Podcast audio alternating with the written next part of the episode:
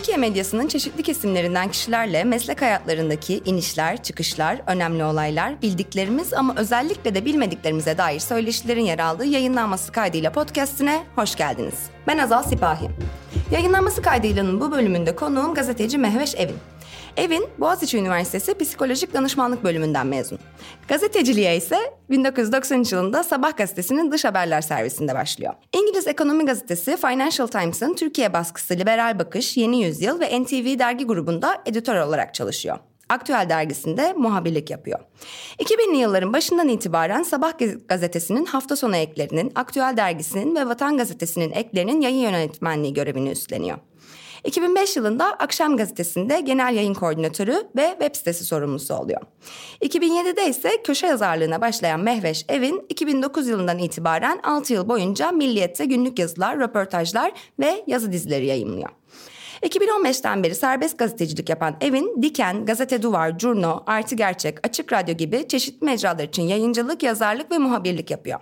2018'de A'dan Z'ye Biz Buraya Nasıl Geldik isimli kitabı yayınlanan Evin güncel olarak Kısa Dalga Podcast için Arka Plan isimli podcast serisini hazırlıyor ve çeşitli mecralar için ağırlıklı olarak kadın, insan hakları ve çevre konularında yazmaya devam ediyor. Şu anda Mehveş ve ben de e, T24 stüdyosundayız. Hoş geldiniz Mehveş. Nasılsınız? Teşekkür ederim, hoş bulduk. 1993 yılında henüz 20'li yaşlarınızın başındayken gazeteciliğe başlıyorsunuz. Psikolojik danışmanlık okumuşsunuz. Buna rağmen neden habercilik? Ve bugün yani aradan neredeyse 30 yıl geçtikten sonra 1993 yılında gazeteciliğe yeni başlayan Mehveş'in kulağına böyle bir iki cümle bir şey fısıldama şansınız olsaydı ne derdiniz ona? Ee, son sondan başlayayım istiyorsan kaç oradan. ya şaka bir yana tabii. Şöyle diyeyim. E, şimdi üniversitede psikolojik danışmanlık aslında o dönemlerde e, özellikle ben bu bölümü istemiyordum. Fakat okuyunca da hoşuma gitti girince. Orada şöyle bir ayrıntı var. Benim 18 yaşında evlenip 19 yaşında çocuk sahibi olmamla birlikte üniversitedeyken çocukluydum ben. Hı hı. Okulu bitirdikten sonra da hemen işe başladım ve aslında psikolojik danışmanlık için daha başka bir eğitim görmem gerekiyordu. Bir an önce e, işe başlayayım, kendi başıma bir tek anne olarak çocuğuma bakabileyim diye bir iş aramaya giriştim. Bekar anne miydiniz o zaman? Bekar anne. Ya bekar anne olamamıştım çünkü medeni kanun değişmemişti. Hı hı. Bir buçuk sene sonrasında boşanabildim. O zamanlar o işler çok daha zordu. Hı hı. Ama evet tek başıma e, çocuğumla birlikte başka bir eve çıktım. Ve o zamanlarda e, birkaç yere gittim aslında. Kafam karışıktı. Ne yapacağım? Yani para kazanmam lazım ama bir yandan da sevdiğim bir işi yapmak istiyorum. Bu minimalde şöyle bir karşılaşma oldu. İstanbul Lisesi'nden okul arkadaşım dedik ya Mehveş sabahta dış haberlerde biz birini arıyoruz. Hani sen dil biliyorsun. E, gelip deneyebilirsin. Ben de aa iyi dedim. Aslında o zaman ne bileyim tekstil firması, sigorta firması gibi hani yabancı bir dil bildiğiniz için e, bir üniversiteden mezun olduğunuz için iş bulabiliyordunuz. Ve o zamanlar da o kadar kötü değildi. E, yani çocuk işçi gibi çalıştırmıyorlardı sizi. Bir belli bir miktar veriyordu ama tabii gazetecilik bunun en azını verendi. Fakat ben yine de şöyle düşündüm. Ya burada bir şeyler öğrenebilirim. Yani e, master yapmaya başka bir şeye fırsatım olmayacak ama yayıncılık daha güzel bir şey diye e, yayıncılığı yani gazeteciliği seçtim. O işte öyle başladı. Sondaki soruya önce yanıt vermiştim. Abartmayayım, çok şey öğrendim. E, mesleği öğrendikçe, içinde oldukça çok şeyini sevdim. Yani başka e, sektörel bir alanda, başka bir yerde olamazdım zaten. Ama 93'teki Mehveş değil de 89'daki Mehveş'e çok şey söylerdim. Yani evlenmek hikayesi dahil olmak üzere ve esas isteğim olan güzel sanatlara girmek için çaba gösterirdim diye düşünüyorum. Peki ilk ne zaman feminist olduğunuz beyanınızı verdiğinizi hatırlıyor musunuz? Ben feministim. Yani ben feministmişim diyoruz bazen hmm. düşününce de e, böyle ağzınızdan ben feministim dediğiniz zamanı. Valla 2000'lerin başını buldu. Çünkü ben açıkçası şöyle bir tarafım var. Siyaseten ve feminist bilincim çok sonradan gelişti. Bunda da tabii medyada gördüğüm, örnek aldığım insanların da kendi gördüğüm şeylerin de çok büyük etkisi oldu. Yani feministim demem aslında e, tüm o 90'lı yılların e, şeyinde tam tersine ben feminist falan değilim derdim. Çünkü bize gösterilen şey hani feminizmin kötü bir şey olduğuydu. Feminaziler ben de bu, gibi e, evet, işte bu yani bir, bir e, o yapıştırılan bütün etiketleri ve etrafımdaki insanların da hep böyle küçümsemesi beni etkilemişti. Daha sonra tabii aklım başıma geldi. Meselenin öyle olmadığını öğrendim 2000'lerin başında diyebilirim. Anladım. Peki feminizm haberciliğinize, haberciliğiniz feminizminize nasıl sirayet etti, ediyor? Hmm. Bu zamanla gelişen bir bilinç. Ee, çünkü mesela medyada cinsiyetçi dil çok büyük bir problemdi ve bizler de aslında ben de bilmeyerek buna kötü anlamda katkıda da bulunmuş olabiliriz. Çünkü o dönemki yayıncılıkta işte böyle arka sayfa güzelleri, aktüelde mesela hep bir çıplak kadın, yani bir kadını soymak. Yani mesele ne olursa olsun satış amacıyla hep böyle bir kadını obje olarak kullanma meselesi vardı. Bir sürü kadın çalışan vardı dergide. Biz bunu kabullenmiştik. Hani çünkü başka türlü bir şey yapınca e, satmıyor diye bize böyle anlatılıyordu. Fakat bu meselenin böyle olmadığını özellikle meslek büyüklerimizden, kadınlardan, feminizm üzerine kafa yoranlardan, okuduklarımızdan yol bularak işte mesela Vivet Canetti olsun, Nurcan Akat olsun bu anlamda biraz daha bizden büyük fakat bayağı bir e, tecrübesi olan insanların dediklerini anlamaya çalışarak ve hakikaten de bunun etkisinin çok önemli olduğunu anlamak bir süreçti. Hı hı ve evriliyordu aslında. Evet tabii ki. Ve tek bir kadınlıktan bahsedilemeyecek gibi tek bir feminizmden bahsetmek de çok mümkün değil. Sizinki şu anda nasıl bir feminizm? Yıllar içinde nasıl değişti ve evrildi? Belki birazcık hmm. ondan bahsedersiniz. Şöyle biraz sertleştiği söyleyebilirim. Daha böyle killjoy, yani, keyif törpüsü mü? Sertleşme derken şöyle... E, şimdi feminizm konusunda genel anlamda e, toplumda da özellikle kadınlara e, karşı uygulanan şiddetin görünürlüğüyle birlikte yani medyada benim çalıştığım zamanlarda bunlar yoktu. Üçüncü sayfa haberi olarak çok yanlış bir dille e, veriliyordu. E, şimdiye bakınca yani sadece yazmakla e, o şekilde düşünmekle kalmıyorum. Pek çok meselede aslında özellikle e, diyorum ki mesela bir X konusu varsa atıyorum mesela ekonomiyle ilgili. Ben kadın ekonomistlerin ne düşündüğünü ve ne söyleyeceğine öncelik vermeye çalışıyorum çalıştım da yayınlarımda hı hı. ve buna devam da ediyorum. Bunun önemli olduğunu düşünüyorum çünkü medyaya baktığınız zaman hep aynı isimlerin ve bunların çoğu erkek. Hı hı. Şu anda da hayli erkek. Yani e, bu sadece e, 2000'ler ya da 90'lara has bir durum değil. E, son derece erkek sadece içeriği üreten ve yöneten anlamında değil. Konuklar da mesela... Hı hı genellikle erkek uzmanlardan oluşuyor ve nasıl oluyorsa bu erkek uzmanlar her konuda uzman oluyor. Şimdi ben buna acayip sinir oluyorum. E, çünkü e, çok kıymetli insanlar var e, kadınlar var. Tabii ki erkekler de var ama onları daha fazla duymamız lazım ve onları daha fazla duyurmamız lazım. Ben onlardan daha çok şey öğreniyorum ve onların bakış açılarından da bir şeyler öğreniyorum. Bir de tabii işin aktivizm boyutunda yani eskiden 8 Mart'ta yürüyüşe gitmek ya da toplanmak falan pek aklımıza gelmezdi ama özellikle şu son 10 yılda 8 Mart feminist yürüyüşünü, gece yürüyüşünde kaçırmamaya çalışıyorum. 25 Kasım'ı da kaçırmamaya çalışıyorum. Sosyal medyada da mümkün olduğunca bununla ilgili hem duyuruyorum hem kadınların, e, kadın örgütlerin yaptığı çalışmalar olduğunda onlarla da temas halinde oluyorum. 28 Şubat süreci ve başörtüsü yasağı toplumda ve basında olduğu kadar kadın hareketinde de fikir ayrılıklarına neden oldu. İşte kimi feministlere göre başörtüsü başlı başına bir baskıydı ve kabul edilemezdi. Kimilerine göre ise başörtüsüyle de kurtuluş, eşitlik ve güçlenme mümkündü. Siz 1997 yılında başörtüsü yasağına karşı nasıl bir tutum sergilediniz? O zaman nasıl bir yayıncılık yaptınız? Valla o zaman daha muhabirdim. Bir de geldiğim yer açısından, hı hı. sınıfsallıktan da bahsetmek lazım. Gerçekten de başörtüsü konusu benim çevrem için tam anlamıyla bir dışlama şeysiydi. Ben bunu hissetmiyordum. Yani üniversitedeyken e, başörtülü arkadaşlar vardı ve üniversiteye alınıyorlardı. Benim üniversitemde Boğaz içinde oluyordu bu ama başka yerlerde çatışma yaşıyorlar. Ama ben dediğim gibi o zamanlar politik bilincim çok azdı. Fakat yine e, aktüelde çalışmak yani bunlar hep adamların yönettiği e, yerler olmasına rağmen özellikle Kürt meselesi, e, LGBTİ, farklı azınlıklar gibi konularda da daha farklı bir yaklaşımı olan yayıncılık yapıyorduk ve başörtülüler konusu da böyle bir şeydi. Hı hı. Onların da sesini duyuruyorduk. E, daha İslamcı camiyen sadece kadınların değil. O zamanlarki alternatif olan hı hı. yayın şekli oydu çünkü. Onlardan bir şeyler öğrenerek bir görüş oluşturdum diyebilirim. Hı hı. 2000'li yılların büyük bir bölümünde Sabah, Akşam ve Vatan gazetelerinde ve Aktüel dergisinde yöneticilik yapıyorsunuz. Yöneticilik yaptığınız yayınlarda ve çalışma arkadaşlarınızla olan ilişkilerinizde toplumsal cinsiyete dair nasıl bir tutum izlemeye çalışıyordunuz? Farklı mecralar için erkek genel yayın yönetmenleri ve patronlarla çalışırken nasıl yöneticilik deneyimleriniz oldu? Aslında tam oraya girmiştik. Evet. diye denk geldi. Şimdi şöyle söyleyeyim.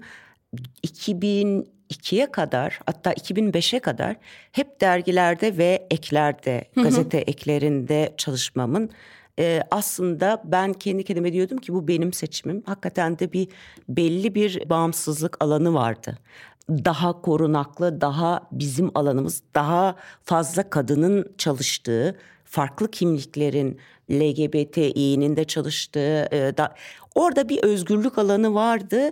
E, orada kendimi daha rahat hissediyordum. Ama tabii ki sonuçta yöneticiye, patrona hesap vermek zorundasınız ve en ufak bir şeyde yani mesela e, biraz böyle çok hoşlarına gitmeyen bir yayıncılık olduğunda çok kolay bir şekilde hadi canım sana güle güle diyebiliyorlardı ki bu, bu başıma geldi zaten. Hı hı. Yani medyada, e, merkez medyada işler böyle olurdu zaten. Fakat mesela aktüeli Turgay Ciner satın aldığında 2002 yılında e, yayın yönetmeniydim. Bir süre böyle yani hiçbir şey söylemiyordu. Aradaki dergilerin başındaki e, genel müdür aracılığıyla devamlı böyle bir sıkıntı. Ama şimdi dergiler de genel anlamda e, her şey dijital mecraya kaydığı için genel anlamda kan kaybediyordu. Bana hı hı. şöyle bir şey demişti. O zaman Asmalı Konak dizisi çok modaydı. E, çılgın gibi herkes Asmalı Konak şey yapıyor falan. Bir gün odaya çağırdı beni ve dedi ki bana Asmalı Konak gibi bir dergi yap dedi. Şimdi o, o ne demek ya acaba? Ben de dicle sürmesi sürüp falan böyle. acaba ne demek? Şimdi hakikaten düşünüyorum. Yani bir yandan e, tabii kalkıp gazetecilik öğretemem yani gazetecilikten gelmeyen bir patron ki o zamana kadar genelde Dinç Bilgin'le işte NTV'deyken e, Nuri Çolakoğlu'yla falan e, çalışmışım. Hani belli bir dili tutturabiliriz ama burada hiç bir dili tutturamıyorum. Ercan Arıklı ki eskiden bir numara yayıncılığın patronuydu. O zaten beni aktüelin başına getirip vatana geçmişti. Öyle büyük bir şey yaşanıyordu. Ha bir de aktüeldeyken vajina monologlarını biz kapak yaptık. Vajina monologları bir tiyatro oyunuydu. Kapağa da vajina monologları yazdık.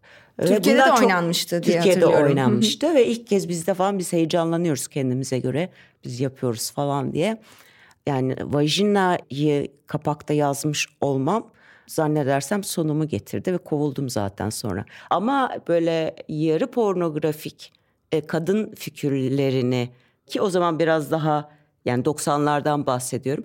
Ee, onlar okeydi ama 2000'lerin başına tabii AKP'nin de iktidara gelmesiyle hafif bir muhafazakarlaşma, hafif bir şey yani o çıplak kadınlık da değil genel anlamda kadınla ilgili kafa karışıklığı çok arttı. Başka bir örnek vereyim. İşte mesela sabahta da vatanda da çalıştığım çok kıymetli e, arkadaşlarım, e, çalışma arkadaşlarım vardı. Şimdi bakıyorum yani benden çok daha fazla tecrübeleri yok aşağı yukarı aynı tecrübedeyiz ama bakıyorum yazı işleri masası tamamen erkeklerden oluşuyor. Bir kadın vardı. 2000'lerin işte 2004, 2003 falan.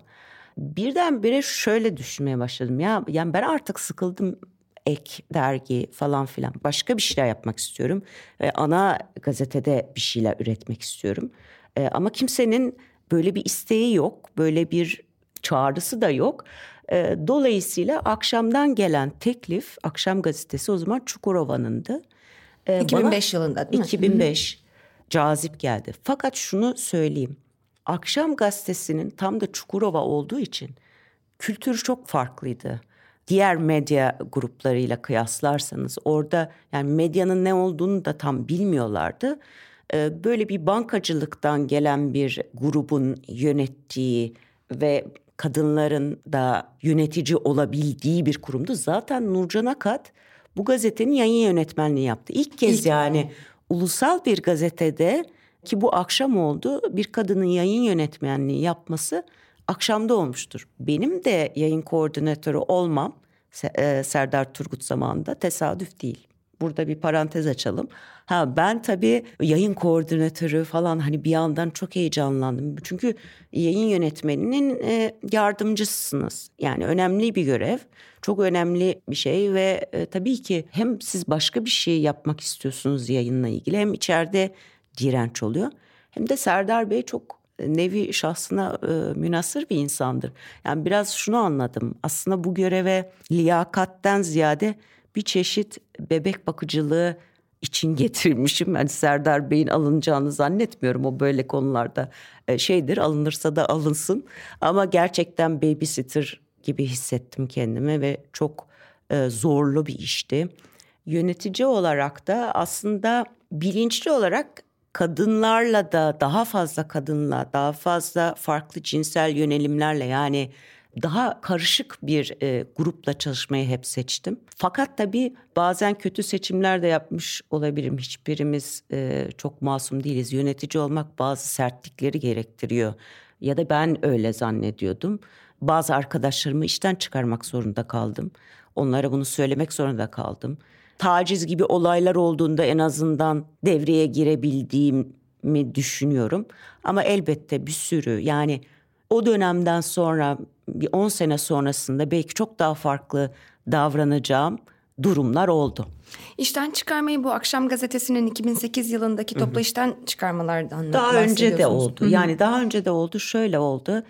Medyada bu çok şeydir. Yani yönetici değişikliği olduğunda genellikle gelen kişi kendi yakın çalıştığı ve bildiği kişilerle çalışmak ister. Hı hı.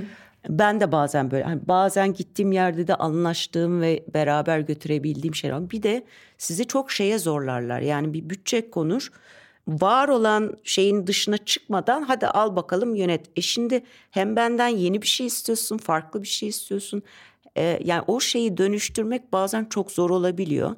Ee, o zamanlarda ya işte iki kişiden vazgeçip yerine başka iki kişiyi almak gibi Sofi'nin seçimi vari... Hı hı e, şeyler yapmak zorunda kaldım evet. 2007'de bir yandan çalışırken bir yandan da Bilgi Üniversitesi'nde iş yönetimi yüksek lisansınızı tamamlıyorsunuz. İster istemez aklıma geldi. Yani yöneticiliğinizle alakalı birileri size eksik mi hissettirdi ben bunu yapayım dediniz? Yoksa tamamen ben yapacağım bunu da öğreneceğim gibisinden böyle bir motivasyon muydu? EMBA'ye e, vatandayken başlamıştım. Vatanda dergileri yani dergiler Ekleri. derken eklerin e, işte bir de Kırmızı diye bir dergi çıkıyordu. E, onları yönetirken başlamıştım zaten. Ve aslına bakarsanız e, Çukurova grubu da CV'ye çok önem verdiği için e, ve mesela EMBA yapmak orada bence bir Hani bu şey derlerdi çünkü hani klasik gazetecilerden değil bu. Anlatabiliyor muyum? Yani gazetecilerle ilgili böyle bir şablon fikir vardır. Hani bu daha yönetici, daha şey gibi. Yani o anlamda bir faydası oldu ama yani akşamda çalışırken de iyi MBA olduğu için yani bilgisayar e, eğitimi olduğu için e, uzaktan bitirebildim. E, biraz şu anlamda faydası oldu. Özellikle yönetim kuruluyla toplantılar yaparken ve orada işte satış grafiklerinden tutun, bütçelerden tutun e, bir sürü şey çıktığında genelde gazeteciler bunlardan pek bir şey anlamaz. Ben en azından onu kendimce bir tatmin oldu ve bazı şeyleri de göstermiş oldum. Hani bunu böyle değil de bunu yapalım gibi ek, ekstra bir e, bilgi olmuş oldu. 2007'de Akşam Gazetesi'nde köşe yazarlığına başlıyorsunuz. Ardından 2009'da Milliyet'te köşe yazmaya başlıyorsunuz. Köşe yazarlığı yaptığınız süreçte çalıştığınız gazetelerdeki diğer köşe yazarlarını hatta zaman zaman gazetenin kendisini dahi eleştirmekten çekinmiyorsunuz. Eleştirileriniz de genellikle cinsiyetçi değil ve cinsel şiddetin haberleştirilmesiyle alakalı oluyor. Yazılarınızın dışında da meslektaşlarınıza nerelerde nelerin problematik olduğuna dair uyarılarınız oldu mu? Hani köşenin dışında bu insanlara karşı kendinizi nasıl konumlandırıyordunuz? Bu insanlara karşı deyince tabii ki kendi meslektaşım ise ve bir temasımız varsa çünkü genellikle böyle şeyler olunca bir de e, çok alınıyor. Kişisel e, algılanıyor genellikle Türkiye'de olan durum. Hani eleştiriyi kabul etmek yerine e, bayağı düşmanca tavırlarla karşılaşabiliyorsunuz. E, çünkü bir şekilde afişe etmiş oluyorsunuz. O anlamda iletişim kurmak çok kolay bir şey değil. Zaten iletişim kurabilseniz belki o anlamda bir şeyleri değiştirmek daha mümkün. Ama belki de yeterince çaba harcamamışımdır bilmiyorum. Anladım. Peki bir davette karşılaştığınızda falan ben hmm. Ya genelde şöyle oluyor eğer çok e, bozulduysa zaten yani zaten sadece cinsiyetçilik anlamında değil yani başka konularda da mesela bir haberle ilgili bir Kürt şehrinde olan bir şeyle ilgili o 2015'te Hendek operasyonlarında işte mesela Yeni Şafak'ta yazıyordu Ali Bayramoğlu o zaman ve hani benim yazımla ilgili hani öyle şey olur mu sniper kullanılır mı böyle bir şey yok falan diye hani değersizleştiren bir şey yazdı. Ben de ona saldırdım. Hı hı. Yani saldırma e, da bir e, taktiktir. Yani mesela o e, yüzüme bakmıyor. Yüzüme bakmayan e, birkaç e, böyle hı hı. arkadaş daha var ama hiç de umurumda değil. 2010'da Milliyet'teki köşenizden yazdığınız bir yazıda 90'ların başında gazeteciliğe başladığımda yöneticilerin tırnak içinde büyütmek istemedikleri haberler listesi vardı. Bu yazılı olmayan kuralların arasında ensest ve çocuklara tecavüz haberleri ilk sıradaydı diyorsunuz. Bu tutumdan ve sizin bu tutum karşısındaki tavrınızdan bahseder misiniz? O günden bugüne öncelenmek istenmeyen bu istismar haberleriyle alakalı medyada nasıl bir değişim ve dönüşüm gözlemliyorsunuz? Olumlu anlamda değişim var. Bir tek konu hariç ensest hala çok büyük tabu. Hı hı. Ensest konusundan e, ensest denmesinden kimse ne yayıncılar hoşlanıyor yani bence yayıncılar hoşlanmıyor. Bunu kabul etmek, düşünmek bile herhalde çok korkunç geliyor. E zaten e, bir devlet politikası olarak da toplumsal kültür olarak da bu e, çok bastırılan bir konu.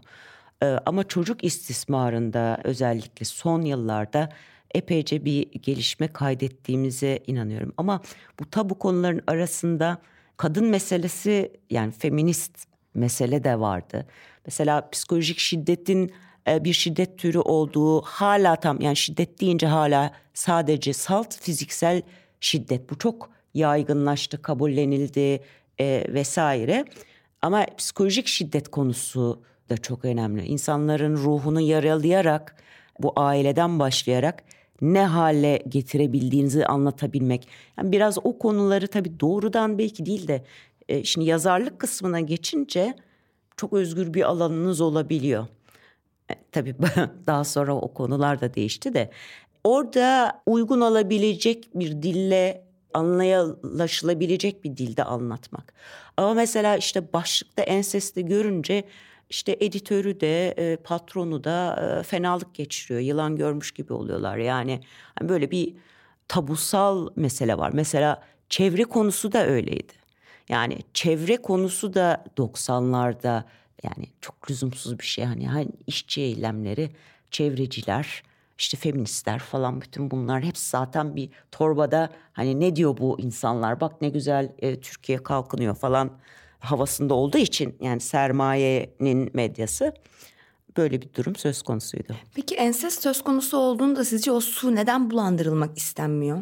Çok ağır bir konu da o yüzden. Bir insanın kendi ailesinden hatta kendi çocuğuna, kendi yeğenine böyle bir şey yapması. Bence buna dair genel anlamda öyle bir kapalı kutu bir şey var ki yani sadece bu çok az olabilir çok istisna olabilir diye bakılıyor. Halbuki yeterince araştırma yok bu alanda pek yani çocuk istismarında ya da kadın istismarında da olmadığı gibi. Yani resmi verilere dayanan bir şey yok elimizde. Ama e, şimdiye kadar hep incelediğim, gördüğüm şeyler buna dair önemli bir şeye işaret ediyor. Zaten kadın meselesine, çocuk meselesine hep aile içinde başladığını ve intiharlar da buna dahil şüpheli ölüm diye geçen. Aile kurumunun kutsallaştırılmış olması çok büyük bir şey. Yani kadınların zaten eşleri ya da boşandıkları partnerleri ya da babaları, abileri tarafından e, şiddet görmeleri bile yakın zamana kadar normal görülüyordu.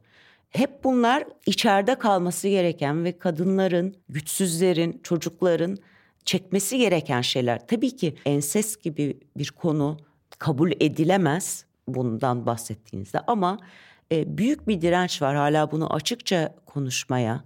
Çünkü oradaki irinleri boşalttığınızda kim bilir neler çıkacak. Enses deyince sadece tecavüzü düşünmeyin. Çocukken tacize uğrayan acaba kimler var? Ve belki de bu onu hatırlatıyor onlara. Yani travmalarımızla yüzleşmeyi istemeyebiliriz. Savunma mekanizmalarımızın bir kısmı. Hele ki mesele hani e, sosyal toplumsal bir mesele olarak ele alındığında daha da büyük bir savunma mekanizması oluyor.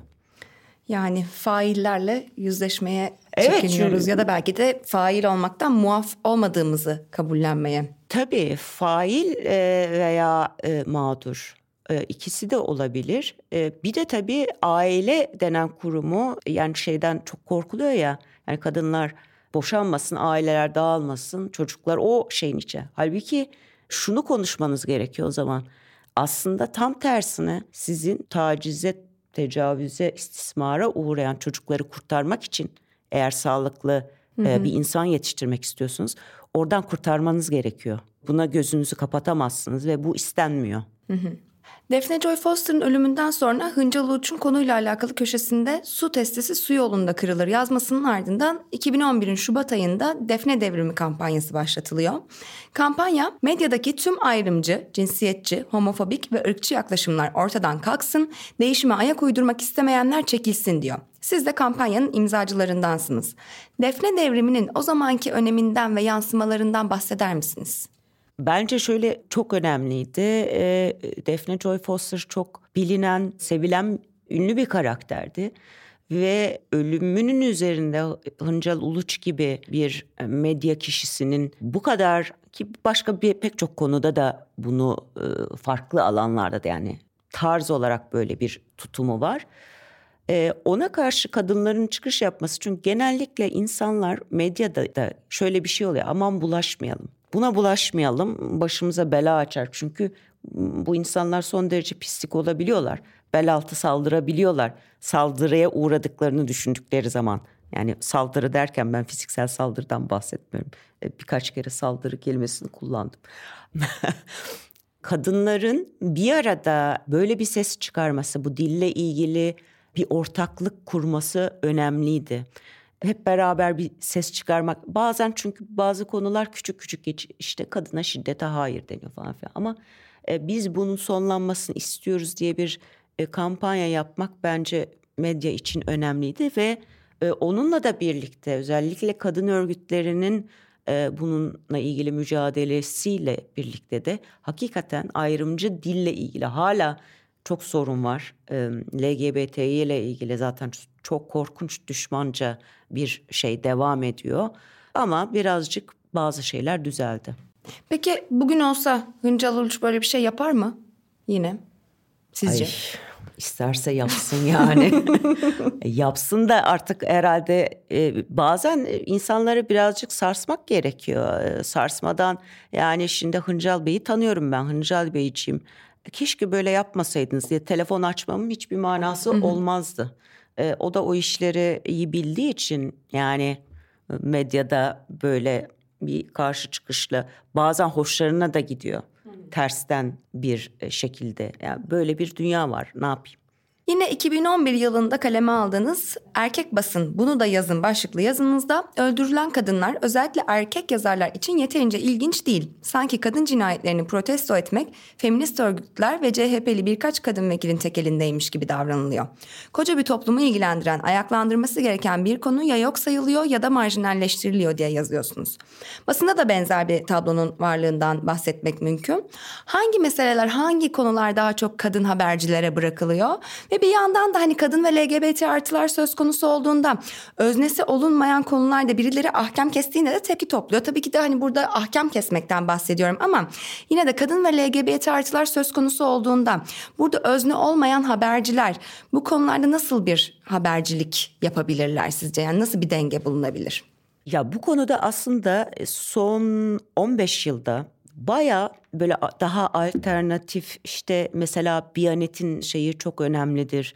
O medyada cinsiyetçi dille ilgili bir takım üniversitelerin e, ve oradaki iletişim fakültelerinin hocalarının, e, profesörlerinin çoğunlukla da kadın tabii ki onlar. Onların öğrencilerine öğrettikleri bir dilde değişimi zorladı. Yani ayıplandıkça bunun olmayacağını anladıkça öznesi olmayanlar da biraz düşündü ama e, şöyle bir tarafı da var. Yani hala e, yani kadınlar için hep böyle bir e, kadınların konusunu yazmak ya da ne bileyim beş tane stüdyoda erkek varsa bir tane de kadın olsun bari diye çağrılmak falan. Bunlar hala devam ediyor. Kadınlar için basında şimdi her şeyden önce karar verme mekanizmalarında çok az kaldı. Bir dönem artmıştı. Hı hı.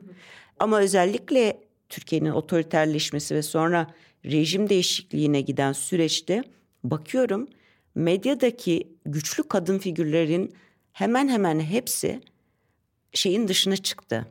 Yani e, o zamanlar eskiden muhafazakar medyada bile kadının görünürlüğüne e, yalandan da olsa kadın yazarlar işte kad- kadınlar falan ama tabii hani zaman gibi bir gazetede kadınlara yönetici olarak ya da yazı işlerini falan asla bir paye verilmezdi. Ama şu anda da farklı mı? Yani kendini e, çok modern ve e, işte asla ayrımcı dili kullanmayacağını söyleyen e, bu anlamda kadınları da destekliyorum diyenler de çaba harcıyorlar mı? Hayır zannetmiyorum. Demin şeyden bahsettim ya yani e, bu kadınların alanı, kadına şiddet konusu zaten bana uzak. Özellikle tabii taciz meselesi bence birazcık rahatsız etti bu anlamda özne olmayanlar. Yani erkekleri diyelim kısacası.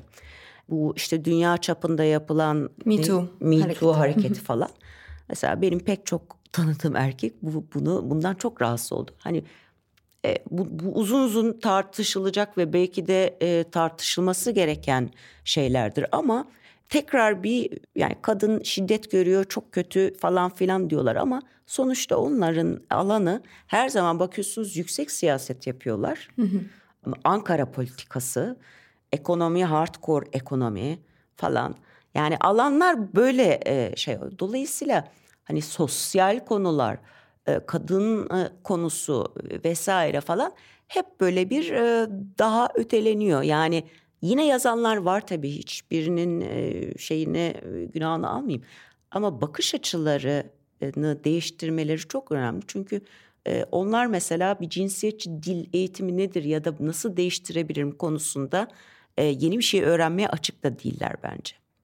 Özellikle şu anda Türkiye'nin her alanında siyasetinden medyasında 50 e, plus erkek ve Türk Sünni erkek egemenliğini e, düşünürsek zor yani ancak bir devir değişirse bunlar daha iyi bir yere gelecek. Umarım o devirde hızlı değişir. 2011 yılının Mart ayında Engin Ardıç bacı başlıklı bir yazı yazıyor ve kadın öğrencilerin protesto ettiği gazeteci Emre Aköz'e destek çıkıyor. Engin Ardıç'ın bu yazısına hem sizden hem de Ece Temel Kur'an'dan tepki geliyor. Ece Temel Kur'an yazısında şöyle diyor. Mehveş de ben de biliyoruz ki bu basının içi dışarıdan göründüğünden çok daha fazla erkekçidir. Sapına kadar maçodur ve hatta kadın düşmanıdır. Mehveş de ben de birçok kadın arkadaşımız gibi bu dünyada ayakta kalmak için epey uğraştık. Ayakta kalmak zorunda olduğumuz için de adımız tırnak içinde mahallenin feministine çıkıp da iyice lafı dinlenmez olmamak için de bazen susup bazen konuşmayı da öğrendik. Az canımıza okunmadı bu alemde bizim. Biz birbirimizin canına az okumadık. O da var. Aynı yıl Ağustos ayında yazdığınız yazıda siz de şöyle diyorsunuz. Malumunuz Hilal Kaplan'la Nagihan Alçı tarafından terör örgütü sempatisanı ilan edilen Ece Temel Kur'an her gün ölüm tehdidi aldığını açıkladı. Aynı ikili gazetemiz yazarı Nuray Mert'e de benzer suçlamalarda bulunmuştu. Bu çarpışmayı uzaktan seyretmeyi tercih ettim. Çünkü adı geçenler sadece hemcinslerim ve meslektaşlarım değil, arkadaşlarım da. Ancak medya keyifle bu kadınlar kavgasını izlerken susmayı programa. Bilmem farkında mısınız hanımlar? Kullandığınız nefret dili hem çok eleştirdiğiniz gazetecilerin ve gazeteciliğin ta kendisine tekabül ediyor. Hem Ece Temel Kur'an'ın dikkat çektiği birbirinin canına okumak hem de sizin bahsettiğiniz ve dikkat çektiğiniz seyirlik kadın kavgası meselelerini birazcık açabilir misiniz?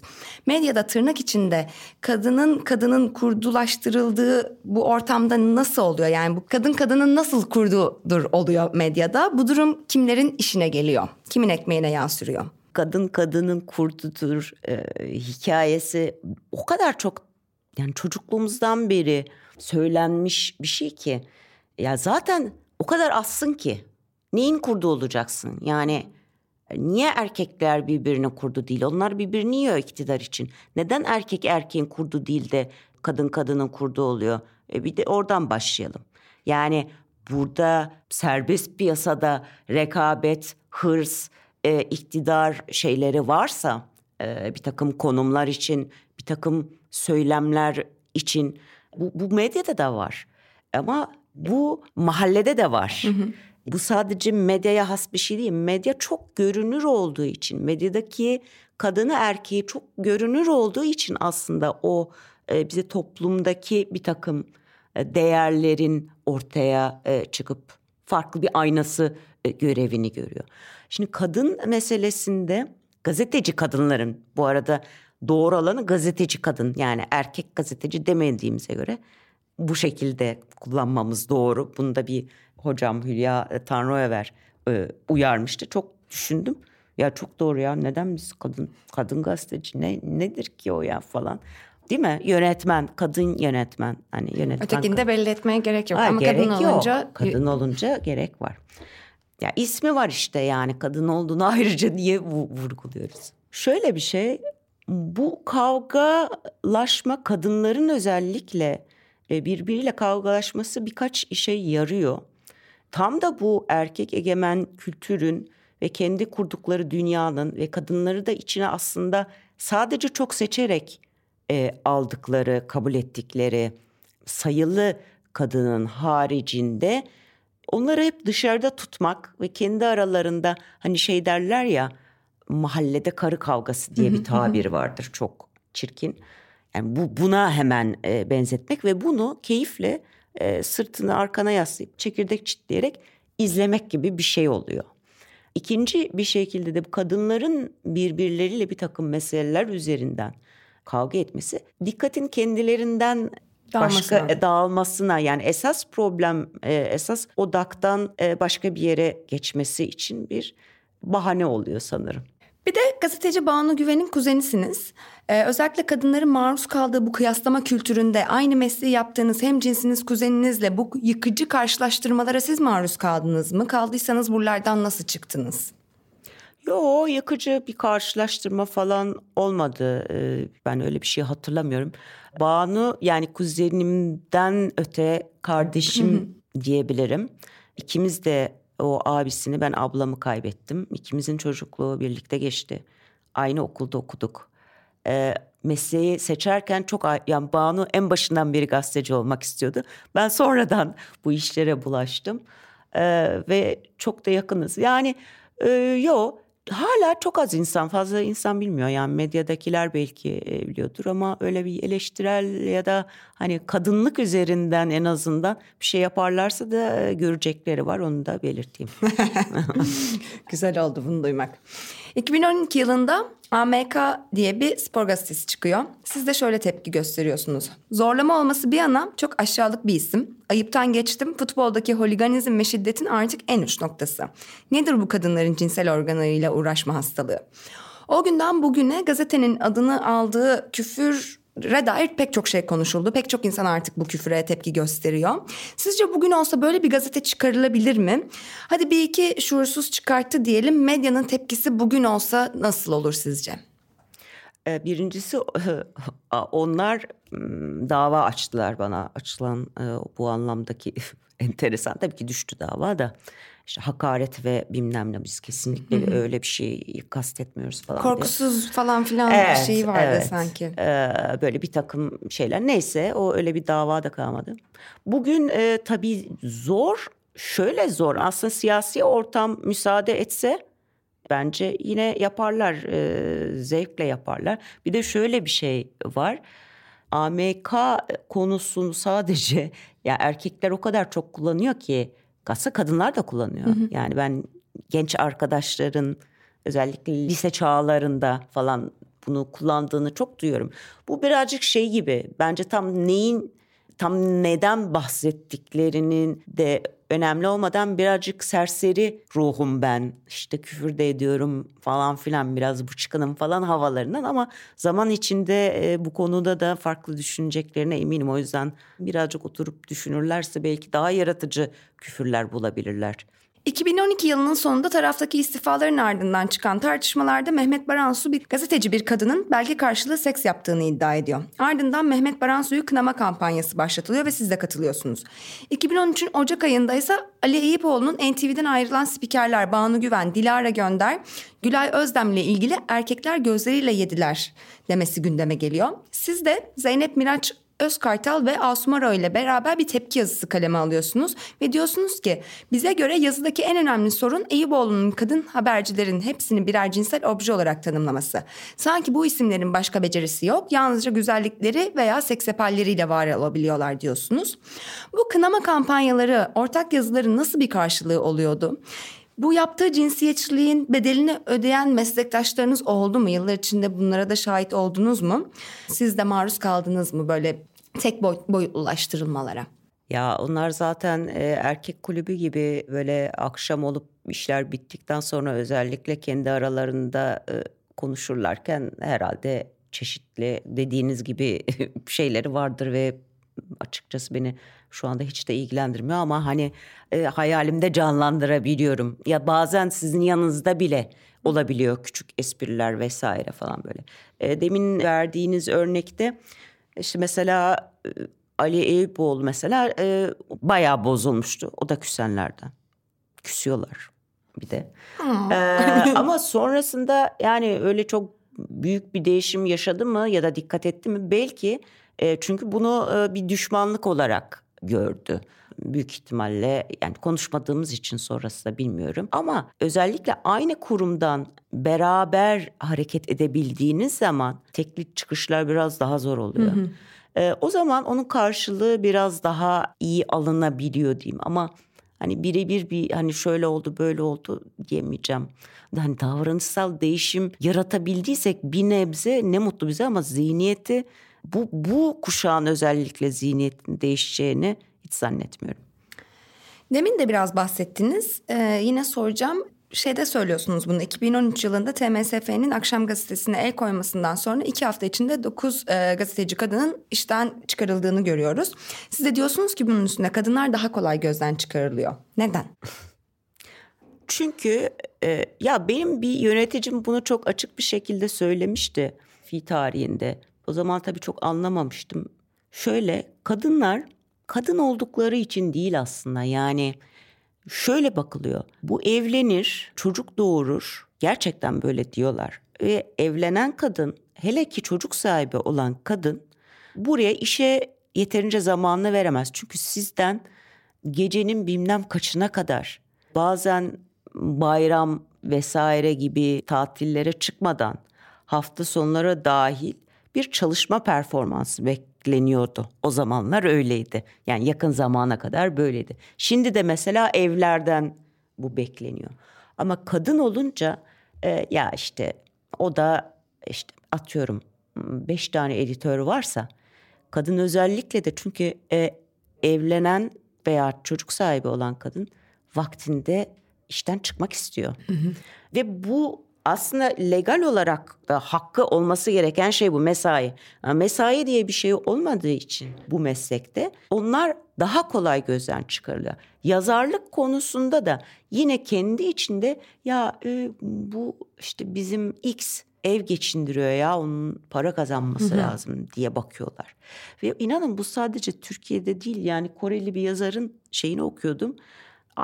Aynı şeyler, aynı şeyler yani işe alınmada, işten atılmada. E, çünkü kadınlar da o yüzden neden yükselemiyorum birazcık da cevabı burada. Çünkü bir takım haklarını vermek zorundasınız. Esnek çalışılabilmeli, doğum iznini kullanabilmeli filan ve erkek de kullanılabilmeli hı hı. bu arada. E, bunlar şey oluyor her zaman böyle kendini yırtarcasına e, çalışan genç erkekler o açıdan daha kullanışlı. Hı hı. Evet, evet anladım. Peki bu gözden çıkarma meselesiyle alakalı. Sizin Ağustos 2015'te 6 yıldır çalıştığınız Milliyet Gazetesi'ndeki işinize son verildiğinde sizce burada sizin kadın olmanızın ya da işte kadın meselesiyle alakalı yaptığınız haberlerin ya da yazdığınız yazıların etkisi var mıydı? Zannetmiyorum hayır. Onun dışında biliyorsunuz o zaman Demirören grubuna zaten 2011'de geçmişti. Demirörenler yavaş yavaş hani medyaya hani gazetecilere nasıl davranmak lazım, nasıl yönetmek lazım hı hı. E, kısmında daha başta dikkatlilerdi. Sonra işleri sertleştirdiler ama Türkiye'de de her şey sertleşti. Kadın olmakla ilgili değil eğer makbul e, vatandaş hı hı. gibi makbul gazeteci, makbul yazar olmanın da şeyleri vardı. O dönem için söylüyorum. Şimdi farklı şekilleriyle yine var. Nedir bu? Çok eleştirmemek yani özellikle siyasal iktidarı eleştirmemek. Kürt meselesi çok önemlidir. Çünkü Kürt meselesi zaten merkez medya için, Türkiye içinde bir ateşten gömlek olduğu gibi hı hı. barış sürecinde dahi ve bütün bunların hepsi de bağlantılı aslında. Dolayısıyla sermaye patronlarıyla röportaj yapmak mesela hoş bir şey. Orada sorun olmuyor ama fikir ve özellikle özgürlükle, eşitlikle ilgili talepleri dile getirmek özellikle e, Türkiye'nin o gün girdiği yolda olmayacak şeydi. Ve buna girmeyenler, parçası olmayanlar ve ben şuna da inanıyorum kadınlar bu konuda editör olarak olsun, yazar olarak olsun ya da başka bir şeyde daha çok e, çatlak ses çıkardılar. Hı hı. Yani genel anlamda eleştirel olmak bakımında ve boyun eğmemek hı hı. adına. Bu belki benim bakış açım olabilir ama genelde gördüğüm arkadaşlarımdan yani o yazı işlerin o hale gelmesini tamamen yukarıdan e, hiçbir gazetecilik şeyine göre değil, etik ilkesine göre değil, yukarıdan gelen sansürlere boyun eğenler daha çok erkekler oldu kusura bakmasınlar. Hı. Milliyetten sonra 2015'ten beri ana akımda değil alternatif medyada serbest olarak çalışıyorsunuz. 2015 ee, öncesi ve sonrası dönemlerinizi kadın ve LGBT artı konularında söz söylemeye, yazmaya, konuşmaya, haber yapmaya dair özgürlükleriniz anlamında nasıl değerlendiriyorsunuz? Çok daha özgürüm. Ee, zaten bu özgürlük çok tatlı ve başka bir şeyle de pek değiştirilmeyecek gibi bir şey değil. Zaten de hani şu ortamda da değiştirilemezdi. Bu anlamda evet fakat bir yandan şöyle de bir şey var. Merkez medyadayken yazdığım yazılarda, konularda e, birazcık da o dönemin ve o dönemin anlayışıyla ilgili bir şeyleri acaba daha fazla e, söylemek daha önemliydi. Çünkü şu anda zaten alternatif hı hı. yayınlarda çalıştığınız için aşağı yukarı aynı şeyleri savunan, inanan e, insanlar, yazarlar birlikteyiz. Öteki türlü biraz daha tek o zaman daha, daha kolaydı yankı fanusundan çıkabilmek belki. Ee, yankı fanusu değil. Yani orada mesela merkez medyada Kürt meselesiyle ilgili bir şey yazmak ya da e, kadınla ilgili kadın erkek eşitsizliğiyle ilgili bir şey yazmak daha önemliydi. Çok çok daha fazla insana gidiyordu. Hı hı. Yani bunu küçümsemek adına söylemiyorum ama alternatif medyada zaten artık oluşmuş şey var. Ama bu anlamdaki işte haber olsun, haber çeşitliliği olsun o anlamda daha fazla şey yapabiliyorum diyebilirim. Bugün hala dünyanın neredeyse her yerinde olduğu gibi Türkiye'de de basın erkek basın. O nedenle kadın, erkek ve diğer cinsiyet kimliklerinin dengesinden değil de belki de dengesizliğinden bahsetmek daha doğru olur. Son 30 yıla baktığınızda medya sektöründe çalışan kadın ve LGBT artılar için ana akımda ve alternatif medyada nasıl değişik değişiklikler gözlemliyorsunuz? Nerelerde iyiye gidildi, nerelerde yerinde sayıldı, nerelerde eskisinden de beter halde olunduğunu düşünüyorsunuz? Aslında konuşmamız boyunca bunlardan hep bahsettik de belki bahsetmediğimiz aklınıza gelen bir şeyler varsa onları söylersiniz. Belki hani artık açık kimlikli bazı LGBT artı medya çalışanları var falan gibi. Var ama nerede var? E, aynı kadınlarda olduğu gibi yani pek çok açıdan yani bu bu birebir aslında Türkiye'nin e, otoriter muhafazakarlaşma tek adamcı sistemin içinde olmasıyla birlikte bir sürü alanda zaten özgürlüklerin e, daralmasıyla birlikte bunlar bağlantılı. Yani şu anda belki merkez medyadan da bahsedemeyiz. Bu da bir ayrı tartışma konusu. Ama ulusal medya diyelim. Ulusal medyada böyle bir durum var ama gerçekten de özellikle LGBTİ için e, kendi kimlikleriyle orada var olan çok az insan var. Gerçekten çok az insan var alternatif denen ya da yeni medya yayınlarında da e, aslında hem iş imkanları hem gazetecilik anlayışı açısından pek çok kişi yeni medyaya yöneldi. Ama şu anda mesela yeni medyadaki tandansın da genellikle e, hep erkek yöneticiler ve hatta merkez medyanın eski yöneticilerinin kurduğu dünyadan ibaret olduğunu görüyorum. Onun için daha genç yani bir de gençlik meselemiz de var Türkiye'de. Daha genç insanların çalışması e, olması lazım ama öyle bir kuruttular ki basın ortamını iletişimden mezun olan yani iletişim fakültelerine gittiğimde konuk birinin dersine valla e, yani gazeteci olmak isteyen bir kişi falan çıkıyor. Eskiden üç kişi çıkıyordu en azından. Yani anlatabiliyor muyum? Onlara kızabilir miyiz? Hayır. Yani herkes zaten eğitim, e, iyi bir eğitim, iyi bir iş için genç insanlar zaten kaçmak istiyor ve şu ortamları gördükleri içinde oluyor.